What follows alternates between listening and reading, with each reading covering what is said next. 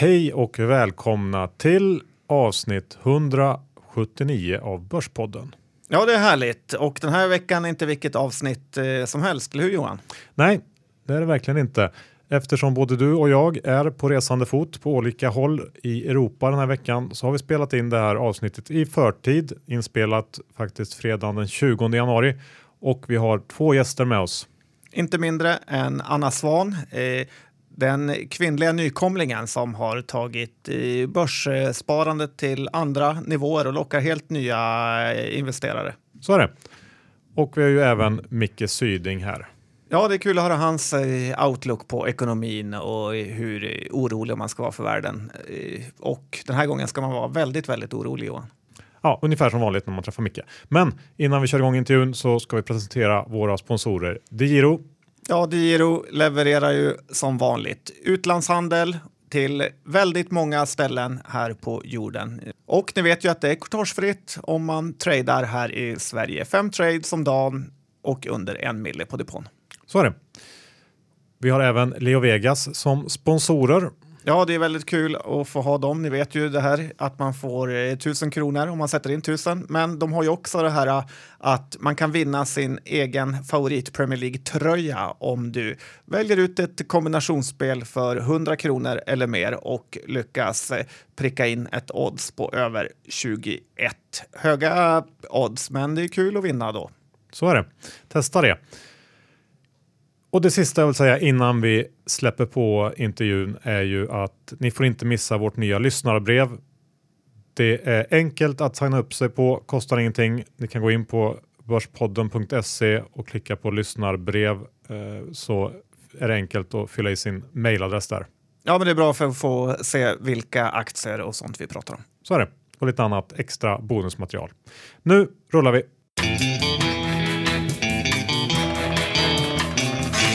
Idag hälsar vi Micke Syding och Anna Svan välkomna till Börspodden. Hallå! Hej, vad kul att vara här igen. Härligt. Vad har ni gjort idag? Jag har som vanligt eh, hängt på bensinmackar och kollat eh, efterfrågan på olja. Ja, du har lärt dig av John. Ja, det är, eh, jag, får, jag hamnade fel där från början helt enkelt, men nu har jag lärt mig Lynch-metoden. Och du är så spydig så att det gör ont i hela mig. Hur är det med dig Anna? Vad har du gjort idag? Eh, det var bra. Eh, jag var, hängde inte på några mackar. Jag eh, har vettigare saker för mig än att göra fusk-makroanalyser. Det låter bra. Eh, idag ska vi ju eh, snacka lite eh, marknaden generellt sådär, men jag tänkte att vi börjar med att eh, prata lite med dig Anna, för våra lyssnare känner ju inte till dig så bra antar jag. Micke har varit med några gånger tidigare, men kan du inte ge oss din bakgrund lite kort? Jag är 24 år gammal och det verkar som att ni redan har grävt fram att jag kommer från Falköping utanför Skövde. Eh, och Micke lär väl säkert avslöja att det är till och med utanför där också. Eh, har väl handlat i fyra fem år, är företagsekonom i grunden. Började handla när jag eh, pluggade och jobbade samtidigt och hade minimalt med tid att göra något annat än att investera pengar. Var pluggar du? I Malmö. Okej, och hur, hur kom du in på det här aktieintresset då som verkar vara ganska starkt hos dig ändå? Alltid kul att tjäna pengar eh, och det är aldrig kul att se pengar ligga på ett sparkonto. Eh, och eh, då får man ju hitta på något annat och då är väl aktier ett eh, utmärkt alternativ. Ja, men det, det stämmer ju. Kan du inte, för, för, du har ju gjort någon typ av karriär inom, inom Nischen också. Du har eh, bloggar, du har varit etta på Sharewill och gjort massa saker. Kan du liksom inte bena ut det här för oss? Eh, förklara vad du har gjort. Mm, vi kan ta det från början. Eh, första gången eh, jag handlade så var det eh, så att jag frågade en, en vän som jobbade som förvaltare. Och jag hade köpt Melker Schörling eh, för att jag tänkte att men, investmentbolag är ju bra om man tycker att fonder är lite småtråkigt. Eh, Eh, så då frågade jag honom vad han tyckte om Melker efter att jag hade köpt och då blev han liksom eld och lågor för att de precis gått ut med en köprek. Så jag tänkte, jaha okej. Okay. Så då skrev jag i princip ner allt han sa om varför de hade köprekat Melker och sen satt jag och googlade på det här för att lära mig mer. Så nästa gång jag pratade med honom hade jag lite mer koll. Eh, så jag skulle nog vilja säga att ehm, det gick jättebra med mitt första köp och det var nog lite därför jag fortsatte. Så kanske tur till en början. Och sen är det väl ett och ett halvt år sedan så började jag handla mer aktivt eh, och så började jag trada och så gjorde jag det via Sharewill. så låg jag etta eh, och då hörde ett eh, kvinnligt investerarnätverk som heter Feminvest av sig och frågade om jag ville bli deras ambassadör. Och det tyckte jag var jättekul för att jag hade ju startat upp en blogg där jag skrev lite mer om eh, min egen handel. Så då började jag skriva för Feminvest. Eh, och ja, eh, sen så rullade det väl på tror jag.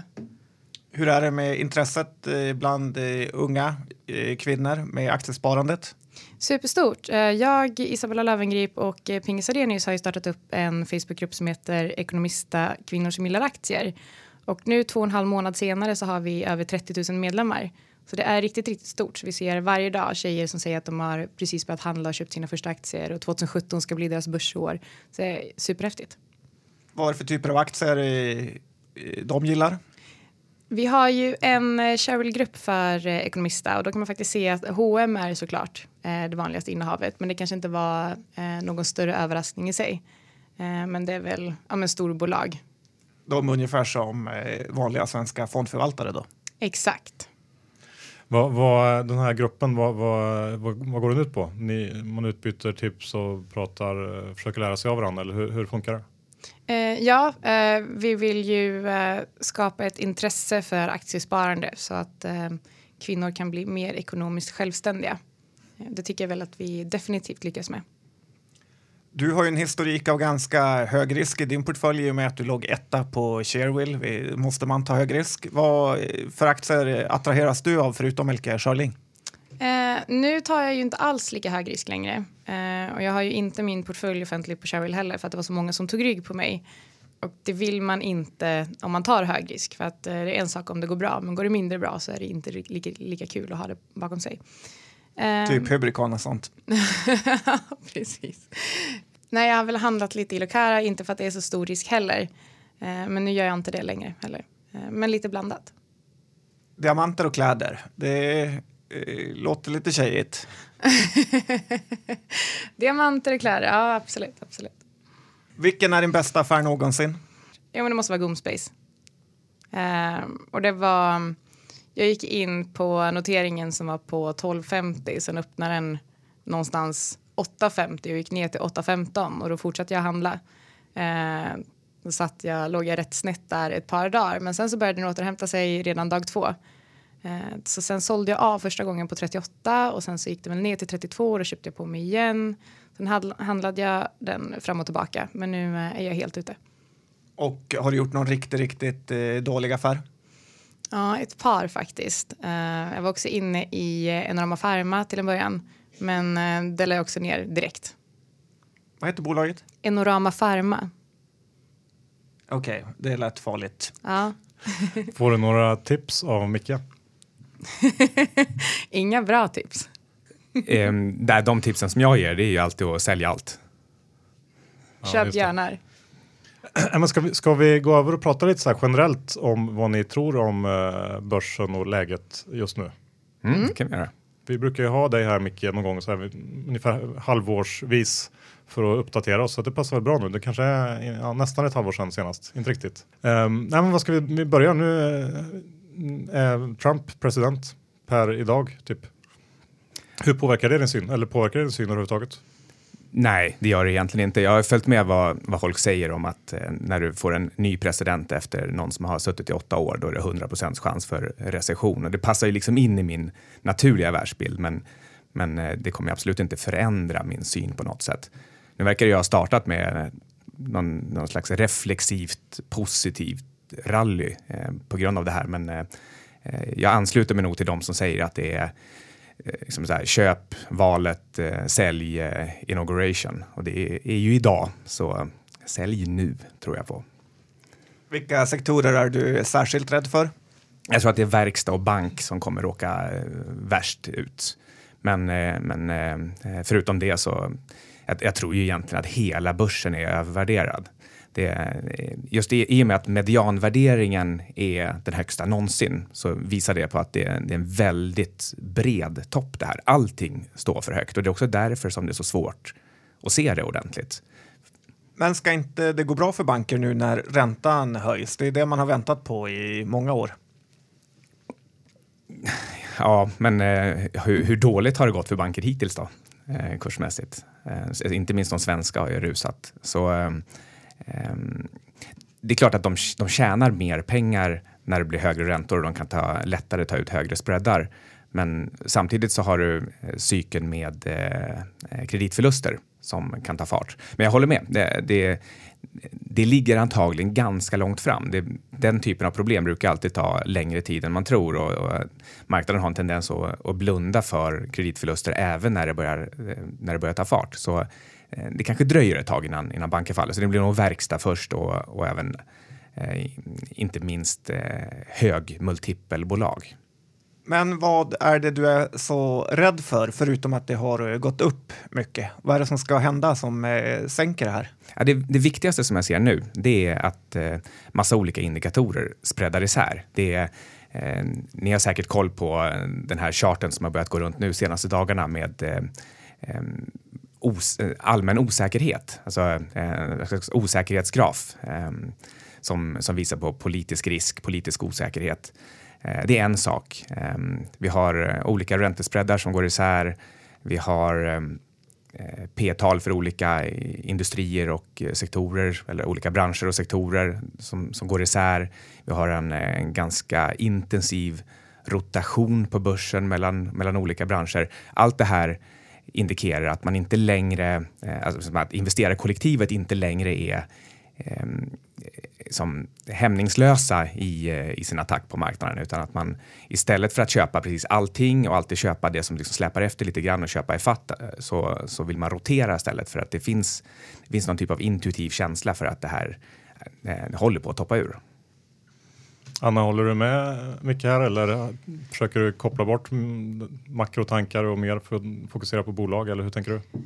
Nej, um, det här är faktiskt en diskussion som vi för hemma just nu för att jag, en av anledningarna till att jag inte handlar Lucara längre är för att jag är ju lite osäker på marknadsläget och känner jag överlag att kanske diamantbolag är väl det sista jag vill äga då. För Lucara är ju lite spännande för Micke, du har ju pratat väldigt mycket om det här med diamant eh, eh, boomen som egentligen borde förintas.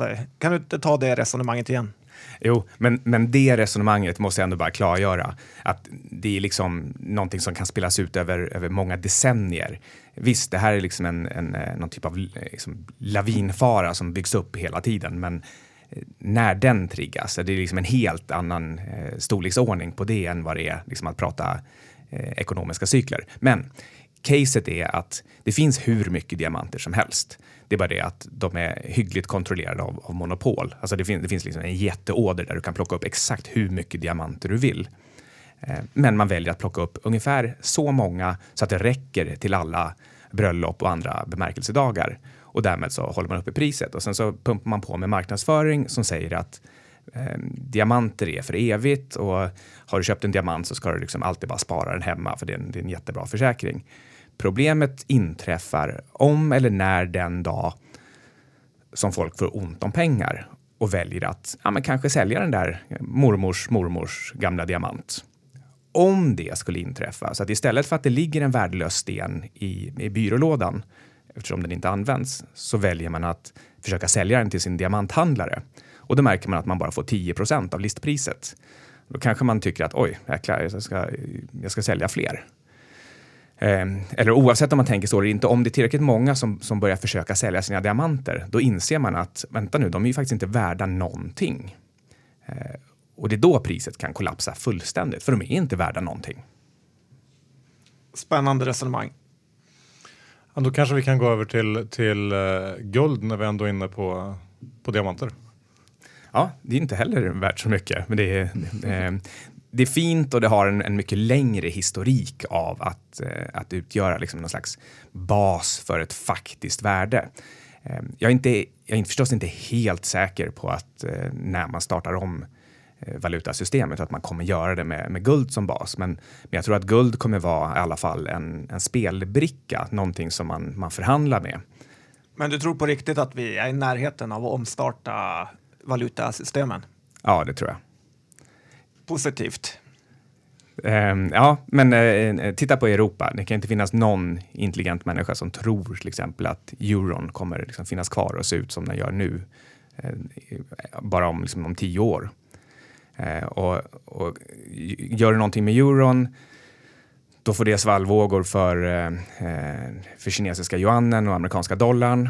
Ehm, man kan titta på eh, lånenivåer i de här olika, eh, eh, olika länderna och se att eh, det finns ingen möjlighet alls att betala tillbaka lånen. Så man måste hitta på något annat sätt att, att hantera det här. får man antingen inflatera bort det riktigt ordentligt eller så, så startar man någon ny typ av valuta. Eh, en, en sak som skulle kunna trigga det här, det är om vi får en, en recession och en ordentlig marknadsnedgång.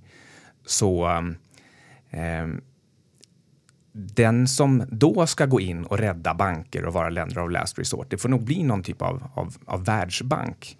Och då behöver man använda en, en annan valuta för att, för att eh, Eh, trygga bankerna. Och då kan det bli sådana här special drawing rights som, som eh, Världsbank, Världsbanken kör. Eh, eller, så, eller så gör man det med någon, någon typ av nytt valutaackord. Eh, det är liksom för konstiga och komplicerade saker här så det är lite svårt att, att fundera över. Det enda jag kan se är att som det ser ut nu så är det inte hållbart. Då behöver vi någonting annat. Du känns negativare än någonsin nu. Vad är det som har triggat den här sista pushen till fullständig Armageddon? Det lustiga är att jag är det minsta kort jag har varit någonsin också. Så, så eh, bilderna hänger liksom inte riktigt ihop, utan det har att göra med att jag får frågorna ställda på ett visst sätt och då, då, då när jag svarar så får du bara fram den, den negativa synen. Då vill jag bara tillägga, jag trodde att du sa att det var viktigt att eh, du har en, portfölj, eh, att du har en portföljstrategi som stämmer överens med din makro och mikrosyn. Mm, det är viktigt, men just nu så fladdrar den lite. Har du tvingats tagit eh, stoppen eller är det någon strategi bakom det här?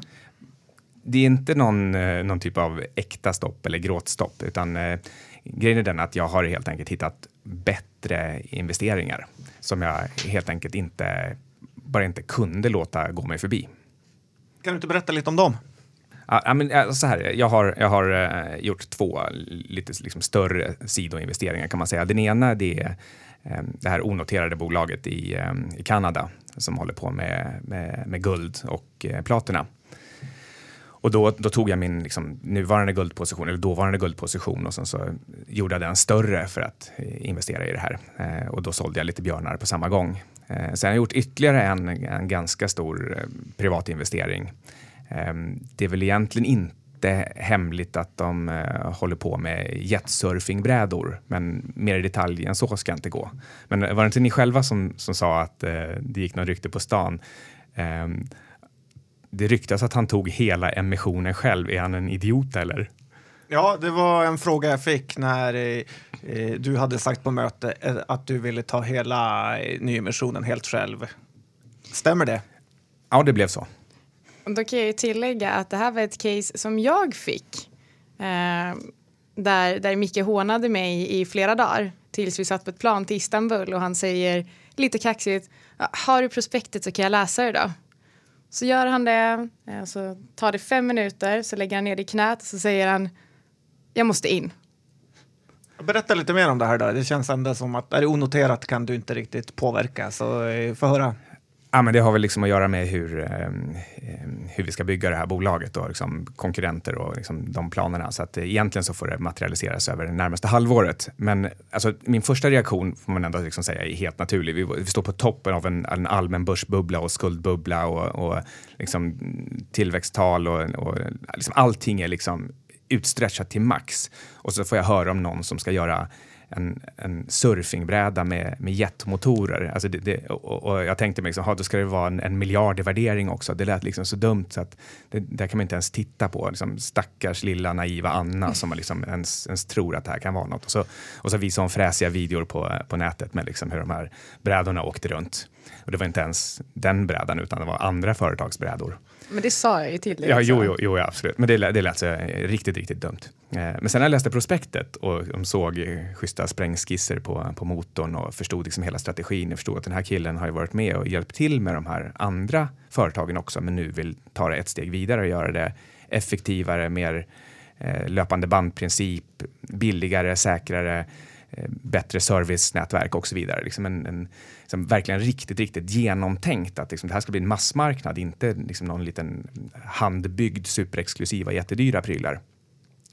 Och värderingen var ju också liksom, helt annan än vad jag någonsin kunde liksom, tänkt mig. Det här var ju liksom verkligen sann liksom, first stage venture capital värdering. Eh, då tyckte jag att det här vill jag verkligen vara med i. Och sen ju mer jag har, eh, har pratat med och träffat eh, han som gör det här så jag blir bara tryggare och tryggare i själva, eh, själva upplägget och, och, hans kunskap. Han har ju byggt hela den här prototypen själv för egna pengar. Eh, den är liksom redan i dagsläget både snygg och funkar. Jag körde den själv i, i eh, här ute. Det var, först, det var första snödagen i, eh, om det nu var november eller december. Nej, november måste det ha varit. Var det november? Ja, ja. Då, då körde jag den eh, här utanför, vad heter det, vid Pampas Marina. Vad sa de som tittar på när en kille surfar i november? Ja, det var en del som, som tittade lite konstigt på det där. Mm. Men, men kom ihåg vem som, vem som tog fram caset först? Jag, jag kommer komma ihåg. Mm, jag kommer aldrig få glömma det. ja, det här får vi väl följa upp vad det lider tror jag. Ja. Jag tänkte vi återgår bara till det här eh, makrosvepet om man ska kalla det och bind, försöker binda ihop det här med, med liksom synen på Fed, eh, dollarn och räntan kanske i, i ett, för det hänger ihop. Mm. Jag tycker att det är fruktansvärt svårt att få ihop en bild. Det, det har bland annat att göra med att eh, Trump eh, själv säger massa saker som går på tvärs emot allting. Han, eh, han vill ha en svagare dollar och en högre ränta och han vill samtidigt eh, in, införa eh, tullar som gör att eh, Eh, utbudet av dollar i världen minskar och därmed skulle pressa upp dollarn och så vidare. Så att man, man vet inte alls eh, vare sig vad han vill göra, vad han kommer göra och vad det kommer få för, för effekter på de här liksom, storheterna. Ehm, jag tror nog att vi får se dollarn fortsätta förstärkas ett, ett bra tag till. Det är bra för svenska verkstadsbolag. Ehm, jag tror eh, räntan är på liksom Ja, trenden har startat, så då, då, tror jag också att räntorna kommer fortsätta uppåt. Det är väl kanske då liksom bra sentimentsmässigt, om inte annat för, för banker. Um, men jag tror att det här är ganska eh, tillfälliga trender. Eh, och jag tror att framför allt så är det den här, den här osäkerheten som manifesteras i eh, vad jag då kallar för alla de här olika indikatorerna, att de spreadar isär och blir lite kaotiska och inte går åt samma håll längre. Ehm, jag tror att den är det övervägande och att Ehm, vi behöver bara se en ganska liten korrektion för att, för att det ska vara den första dominobrickan som faller och så, och så drar den med sig resten. Och då, då, får, då åker börsen ner och så, så ser vi också samtidigt att ekonomin inte, faktiskt inte får någon extra skjuts egentligen. Ehm, och det späs på av fortsatt svaga bolagsrapporter under 2017 ehm, och då drar det med, det med sig liksom både börsen och sentimentet och ekonomin i, i liksom en, en, en återkopplande loop. Um, och då tror jag att eh, både ränta och dollar faller också igen. Så eh, det här, den här stora diskussionen som varit på slutet om, eh, om, om vi har eh, nått ett läge där, där vi kan se en ny stor eh, björnmarknad i, i obligationsmarknaden med både Bill Gross och, och Jeff Gundlach som varit ute och snackat om olika nivåer. Den, det tror du inte riktigt kommer att, eh, att utspela sig så? Nej, alltså eh, Gundlach är ju inte någon särskilt duktig förvaltare och, eh, och Gross eh, kallas ju för en second tier av Gundlach. Så, så det är klart att de här killarna kan man inte lyssna på. Nej, skämt åsido, de är ju, det är ju superpersoner. Man kan inte gå emot dem egentligen. Men eh, jag tror ändå att de har fel. Anna, mm. hur tänker du kring det här? Eh, makro, makro snack som de här killarna pratar om, något du tänker på när du investerar? Nej, inte alls. Inte speciellt mycket. Eh, jag... Eh, överlag nu så står jag väl inför något strategiskifte i min egen portfölj i och med att jag, jag gick ut med i slutet på förra året att jag, har, att jag inte tradar längre. Um, så nu, um, nu försöker jag väl se mig om vad jag vill göra framöver och jag har inte riktigt samma marknadstro som jag haft innan heller. Vad har du för tro nu? Jag är lite, lite skeptisk skulle man väl kunna säga det. Eh, så jag är lite Inte försiktig. konstigt om man får hänga med Mikael Syding på dagarna. Då vill man sälja allt efter varje podd vi haft. Ja, men han, han sa faktiskt till mig när jag skämtade med honom någon gång, borde jag också köpa björnar? Och då sa han, nej, jag har så det räcker för båda. Du har lite humor ändå. ja, jag vet inte om det är jag som har humorn, men om folk vill skratta åt mig så är det okej. Ja, men vad bra att vi kom in på de här björnarna för då kan vi ju snacka lite om, om eh, hur din portfölj ser ut nu. Micke. Ja, det kan vi göra. Ehm, ni vet ju säkert hur den ser ut, men ehm, Ja, för du skickade en bild på den ja, innan det här. Så jag, jag vet jag kommer ju knappt ihåg själv, men jag har ju någon gång beskrivit min strategi som att jag, i och med att jag tycker att allting är dyrt, så köper jag gärna saker som inte ens har någon värdering, så behöver jag inte bry mig om det. Det vill säga gärna saker utan intäkter eller utan vinster. Ehm, och då har jag till exempel Gaming eh, Innovation Group. Uh, de säljer eh, plattformar för, eh, ja, för eh, kasinon och, och liknande, sportsbetting. Eh, de har även förstås hela liksom, kringapparaten med affiliates och sådana saker. Alltså i princip ful hemsidor som ploppar upp där man inte vill ha dem och som, som bara stör. Men så finns det alltid någon idiot som klickar på dem och kör någon freespin någonstans. Men eh, de, de har ju inga vinster, men eh, eh det ser ut som att de, eh, de har bra skjuts i försäljningen av sina plattformar. Eh, det är möjligt att jag är för eh, sent in i gaming och för tidigt in i gig så att det blir en riktig liksom, double whammy för mig. Men eh, eh, jag tror att den är eh, helt enkelt li lite bortglömd och lite underskattad. Eh, inte minst därför att det rusar på så himla bra för till exempel Catena. Men den här aktien är noterad i Norge, va? Ja. Yes. Eh, Sen har vi väl min, eh, min riktiga favorit, det är Peptonic. Eh, eh, jag hade köpt lite grann på emissionen och sen eh, var jag med här. Eh, så gick den upp 70 procent på, en- på några veckor efter det. Ehm, och eh, då kunde jag förstås inte sälja för det kändes oetiskt att eh, liksom ta hem en vinst i det läget. Och sen, eh, sen kom då den här misslyckade studien så föll den med 80 procent. Men då passade jag på att- sexdubbla mitt innehav istället eh, kring 4 kronor. Eh, och så ridit den ungefär upp nu till ja, men 8, 9, 10 kronor. Eh, jag har gjort några vändor i den, alltså skalat av lite grann kring, kring 7, 8 och köpt igen liksom kring 5, 6 och sådär. Um, och, och just nu så har jag skalat av lite grann igen när den spikade upp här över, över 9. Ehm, men, men det där är en, Uh, uh, alltså återigen, alltså det här är ju uh, typ aktie för mig då, inga intäkter Ehm, och bara kostnader och eh, en misslyckad studie. Ehm, så ehm, anledningen till att jag, att jag är inne i den är ju att jag tror att just en sån här kroppsegen molekyl som oxytocin som går att använda egentligen mot precis allt möjligt utan bieffekter. Liksom från ADHD till eh, vestibulit och vaginal atrofi och sårläkning. Alltså det, finns, det finns så mycket som den går att använda till.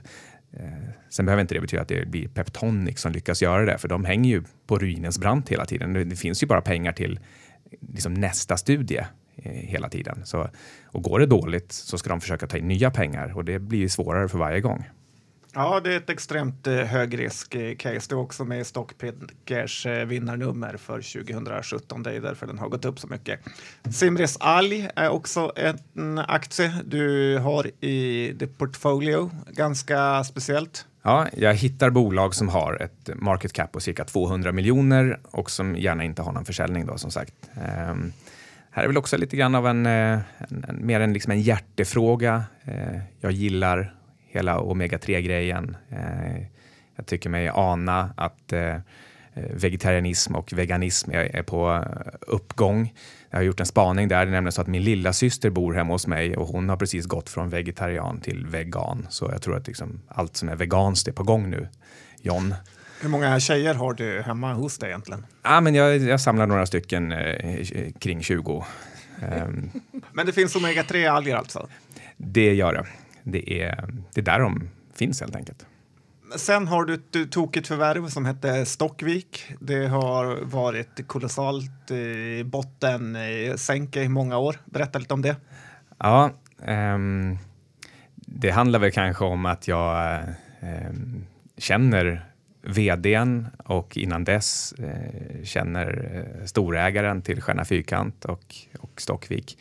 Eh, så att jag, jag ser att de gör rätt saker, eh, att det finns en bra plan, en bra strategi och, och, faktiskt en bra exekvering också. Men det fanns så himla mycket skräp kvar i den gamla strukturen som eh, eh David då har fått eh, rodda i de senaste, senaste två åren kan vi säga. Eh, jag har själv haft lite tur i Stockvik för att jag eh, köpte eh, första gången kring, kring 5 och sen sålde jag på 5,6. Nu pratar vi öre. Ehm, eh, och eh, tänkte att ah, men jag ska kanske inte röra den där eh, igen ändå. Men sen var vi ute på en, en fyllekväll, jag, jag och David. och, och då, ah, men då, då köpte jag ett gäng ändå då, liksom på 4,1. Ehm, så att, så att det, där jag, det där ligger nu. Men det här är ju liksom ett det är lite, lite, lite underligt bolag. De, de, har haft liksom problem med, med, skulderna och problem med kreditlinor och allt möjligt. Men, men i grund och botten så köper de små eh, lönsamma företag typ i Norrland, målerifilmer och, och, och, liknande som, som tjänar några miljoner i ebit Eh, och market cap på, på hela bolaget är 50 eller 60, nej, 67 miljoner kanske, någonting sånt. Eh, och så har de ett par sådana här. Så, så egentligen så, så kanske de handlas på, eh, på ev ebit 5 nu, men har bra spaningar liksom för att eh, plocka in fler sådana här bolag hela tiden. Eh, så, att, så egentligen så tycker jag att det, det ser ut som att de eh, det är liksom som pojken med guldbyxorna, de, de, som skapar pengar från ingenstans för att de kan köpa de här så billigt. Eh, problemet är att de har så himla lite pengar så det går så långsamt framåt. Och allt det här bagaget som, som eh, de har behövt rensa ut. Jag är inte helt säker på att de har lyckats komma runt. Alltså jag är inte helt säker på att de här 4,1 öre är den absoluta botten just nu. Men eh, tillräckligt för att det ska kännas bra i portföljen. Jag tycker du tagit Peter Lynchandet till en ny nivå genom att gå ut och eh, kröka med börs -vd. Ja, och på tal om att kröka så har jag ett tips till dig. Det är... Så är jag tacksam emot. Ja, det kommer snart bli varmare väder, i alla fall framåt eh, maj, juni, juli. Och då kan Carlsberg vara någonting när folk blir törstiga. Så sjukt bra spaning. um, ja, jag vet inte, målerifirmor i Norrland, vad ska, vad ska det värderas till egentligen? Ja, alltså när man köper dem så verkar det vara 3, 4, 5 gånger, gånger vinsten. Men har du dem själv så borde du inte kunna liksom... Eh, vad, vad, skulle du betala för att få en miljon i kassaflöde per år? Ja, jag vet inte. Jag bara, jag, bara, jag bara spontant kände att det kanske inte fanns så där jättemycket att skala i den där businessen. Men visst, Nej, men så köper du ett sånt och så får du kassaflöde på en miljon. Sen tar du den miljonen och så lånar du en till och så köper du nästa bolag och så vidare. Ja, men inte liksom, ja, nu vet jag inte om det verkligen är små måleriföretag i Norrland och köper, men är inte det också väldigt sådär, då, då är det en, en gubbe eller en familj som driver det där och, och ganska beroende av, av den personen och så vidare. Alltså det finns en, en, en, liten risk för det, men kunderna sitter ändå där och vill få eh, landstingshuset ommålat eller eh, polishuset och, och de är bara eh, de vill bara att det ska finnas en målerifirma på orten.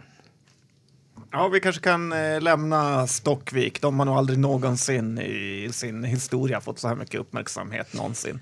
Eh, Studsvik är ett annat bolag som du och Johan gillar. Personligen är jag ju rätt eh, liksom, tveksam till eh, kärnkraften och eh, kanske Studsvik också. Eh, berätta lite vad du eh, ser där som vi inte redan hört från Johan. Bra att du är skeptisk, för börjar man lägga ner all kärnkraft då kan Studsvik få en hel del att göra.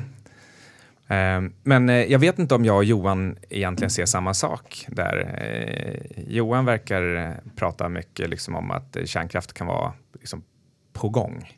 Ehm, jag ser egentligen mest strukturmöjligheterna. Det, ehm, det var framförallt på vårt, vårt besök där för något år sedan som, som det gick upp för mig hur mycket dolda värden som, som det verkar finnas i bolaget. Och det känns också som att ledningen där verkligen är ute efter att ett steg i taget ta, ta fram de värdena genom att eh, sälja av saker eller ehm, så, så, så, för min del så handlar det inte framför allt om att eh, kärnkraft ska få någon, någon boost och, och, att Studsvik därmed ska, ska få mer att göra just på uppsidan. Utan jag ser, jag, ser, jag ser två saker. Antingen så går kärnkraft upp eller ner. Oavsett vilket så, så blir det eh, lite större klarhet och de får lite mer att göra oavsett om det går upp eller ner för att de, de ska analysera olika typer av bränslen eller avfall och kategorisera dem och liksom, eh, och vid sidan av den här eh, möjliga liksom, operationella boosten så finns det då framför allt stora övervärden i, eh, i fastigheter och eh, eh, möjligen eh, den här liksom, stora konstiga klassificeringsmaskinen som de har lagt, plöjt ner miljarder i. Har du druckit med den vdn? Nej. Nej, ja, men det var en bra beskrivning tycker jag. Eh, sen så tror jag ändå att det, det, känns som att kärnkraften är lite på, på uppgång globalt sett och att man nog hellre föredrar det framför nedgång än för Studsvik. Men, men jag håller med. Jag har ju låtit mig luras in i den där URA ETFen också. Just det, den, den ligger här näst på listan. Ja, men det, det gör jag ju egentligen bara på charten. Jag gillar när saker har gått ner 90 procent. Eh, på tal om ner 90 procent, eh, en sak som triggade mig lite eh, i morse då när jag lyssnade på Macro Voices var strategin att köpa ställen som till exempel Cypern vars aktiemarknaden har fallit 99 procent. Ehm, det är sällan sånt händer. Det är sällan ett lands aktiemarknad går omkull. Ehm, och har det gått ner så mycket så, så brukar det också kunna gå upp några hundra procent. Jag, jag, vet inte riktigt vad jag ska göra med det här själv, men, men jag, jag gillar resonemanget att leta efter saker som verkligen har kollapsat och se, finns det överhuvudtaget någon livskraft här? Finns det någon som vill att det här ska finnas kvar? Ja, då, då brukar det kunna studsa också. Men det är en massa nedtryckta banker då antar jag på Cypern? Ja. Okej, men, men Cypern, det är ingenting som du har investerat i? Men du Nej, det har jag inte. Men jag tittar liksom så, Italien, Spanien, eh, Grekland, Cypern. Och slutligen då din björnposition. Hur stor av del av portföljen är det? Alltså av eh, eh, den portfölj som jag numera har på Avanza så är den ändå 75 procent. Men, eh, men eh, min Avanza-portfölj har ju blivit mindre i och med att jag har sålt av därifrån för att göra mina privata investeringar. Eh, och det inkluderar även Sydax där jag har lånat ut lite extra pengar till en kompis fastighetsaffärer. Vilken ränta? 10 procent årsränta. Det är bra. Ja, men det är väl ungefär som Tessin och eh, Lendify, typ. Anna, har du någon kommentar på Mikaels eh, portfölj? Jag kan säga så här att eh, jag känner inte direkt för delad ekonomi med den där mannen. Jag tänker ju att eh, nu kan jag ju verkligen göra vidlyftiga affärer när det finns någon med en inkomst hemma. ja, någon måste försörja Micke. Ja, men det är bra. Ni hedgar varandra kanske lite grann. Mm. Jag måste få fråga, hur är det egentligen med för detta eh, Blondin-Bella som numera bara vill kallas Isabella Löwengrip? Hon eh, håsade i Lexington. Är hon fortfarande positiv till den aktien? Jag tror att eh, alla har, eh, har gått vidare från den här Lexington hm spreaden förutom du John. Det kan vara så. Ja, så är det nog. Eh, om, om vi tittar framåt nu då, närmsta året, hur ser planerna ut för er? Jag ska väl fortsätta verka för kvinnligt sparande via Ekonomista och Feminvest. Men sen så eh, skriver jag en bok på fritiden också om nätverkande. Spännande. Mm. Micke? Ja, jag hörde en eh, oerhört smart grej av eh, Goldman Sachs eh, häromdagen som sa att även om börsen är på liksom sin eh, dyraste nivå eller liksom de, den 10% det är bara 10 av tiden som det har varit så här dyrt eller dyrare och, och då väljer de liksom schyssta multiplar, det är egentligen ännu mindre. Eh, så sa de att det har ändå lämnat 200% uppsida där, på de sista 10 procenten eh, sen efterkrigstiden. Det är liksom ett sätt att, att se på världen som eh, man kan lämna åt dem. För lyckas man plocka den där lilla toppen år 2000 så tror jag inte man hinner ur. Um, men jag försöker helt enkelt se positivt på, på um, både världen och, och aktier. Uh, och jag verkar, trots att jag försöker att inte handla med aktier, så verkar jag dras in mer och mer. Jag gjorde en liten sammanställning här nyligen och hade liksom handlat i ett tjugotal aktier och liksom ändå gjort ganska många affärer trots att jag anser att jag gör noll affärer. Så jag misstänker att det faktiskt kommer bli mer och mer affärer. Men förutom det så kommer jag ägna mig åt alla onoterade konstiga saker som jag är inblandad i. Eh, inte minst då den här surfingbrädan som jag tror blir liksom det mest spännande jag gör 2017. Och sen förutom det så kommer jag fortsätta eh, trycka in visdom i folk, i, inte minst i form av eh, Eh, en bok som jag skriver. Som, eh, den ska bli klar 2017. Den innehåller egentligen min samlade visdom. Det, man kan säga att det är min commonplace som jag publicerar. Låter väldigt spännande, för din första bok var ju faktiskt väldigt eh, underhållande och eh, läsvärd. Så den ser vi fram emot.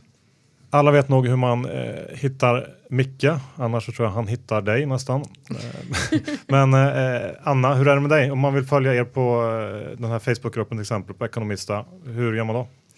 Eh, för Ekonomista så söker man helt enkelt på Ekonomista, kvinnor som gillar aktier. Och annars så har vi Feminvest på Facebook också. Eh, och där kör vi lite event med olika bolag som kommer och presenterar. Så kan man komma och lyssna på det. Skoj, bra initiativ och kika in där. Tack så mycket för att ni ställer upp i Börspodden. Ja, Tack. As, kul att vara här och eh, John, lycka till.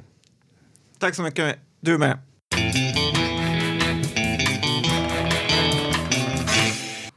Tack för det, Mikael Syding och Anna Svan. Väldigt kul att höra era tankar. Ja, tackar, tackar. Tack också Diro. Ja, det är bra. Ni vet ju, in på diro.se öppna upp för ytterligare en nätmäklare. Det kan man aldrig ha för många av. Nej, det går inte. Och tack Leo Vegas. Leo Vegas, ni vet ju vad man spelar på nu för tiden.